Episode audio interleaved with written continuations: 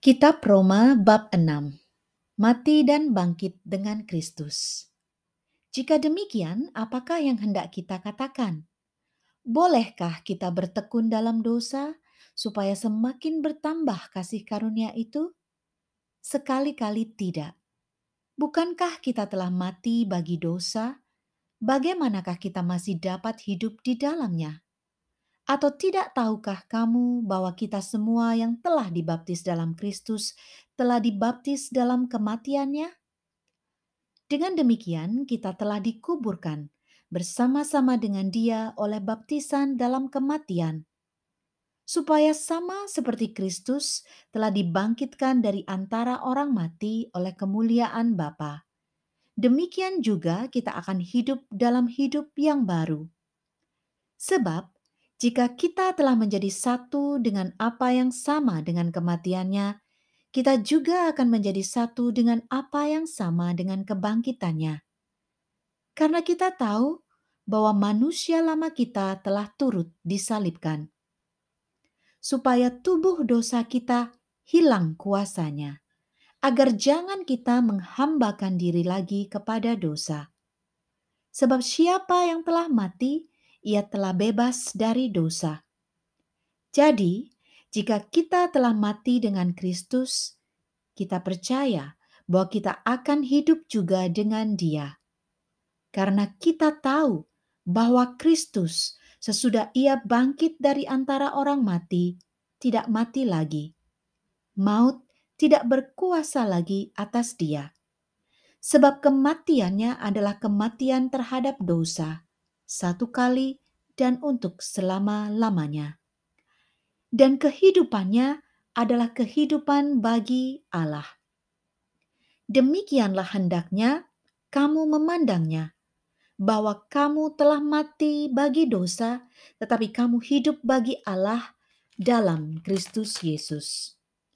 Sebab itu, hendaklah dosa jangan berkuasa lagi di dalam tubuhmu yang fana, supaya kamu jangan lagi menuruti keinginannya. Dan janganlah kamu menyerahkan anggota-anggota tubuhmu kepada dosa untuk dipakai sebagai senjata kelaliman. Tetapi serahkanlah dirimu kepada Allah sebagai orang-orang yang dahulu mati, tetapi yang sekarang hidup. Dan serahkanlah anggota-anggota tubuhmu kepada Allah untuk menjadi senjata-senjata kebenaran. Sebab kamu tidak akan dikuasai lagi oleh dosa, karena kamu tidak berada di bawah hukum Taurat, tetapi di bawah kasih karunia. Dua macam perhambaan. Jadi, bagaimana?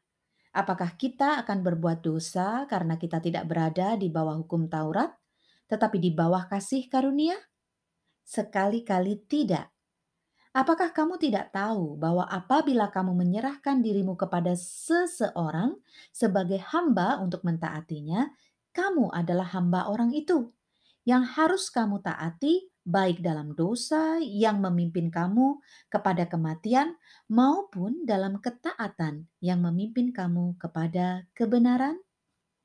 Tetapi syukurlah kepada Allah Dahulu memang kamu hamba dosa, tetapi sekarang kamu dengan segenap hati telah mentaati pengajaran yang telah diteruskan kepadamu. Kamu telah dimerdekakan dari dosa dan menjadi hamba kebenaran. Aku mengatakan hal ini secara manusia karena kelemahan kamu Sebab sama seperti kamu telah menyerahkan anggota-anggota tubuhmu menjadi hamba kecemaran dan kedurhakaan yang membawa kamu kepada kedurhakaan. Demikian hal kamu sekarang harus menyerahkan anggota-anggota tubuhmu menjadi hamba kebenaran yang membawa kamu kepada pengudusan. Sebab waktu kamu hamba dosa, kamu bebas dari kebenaran. Dan buah apakah yang kamu petik daripadanya? Semuanya itu menyebabkan kamu merasa malu sekarang. Karena kesudahan semuanya itu ialah kematian. Tetapi sekarang, setelah kamu dimerdekakan dari dosa dan setelah kamu menjadi hamba Allah, kamu beroleh buah yang membawa kamu kepada pengudusan dan sebagai kesudahannya ialah hidup yang kekal. Sebab upah dosa ialah maut, tetapi karunia Allah ialah hidup yang kekal dalam Kristus Yesus Tuhan kita. Demikianlah sabda Tuhan. Syukur kepada Allah.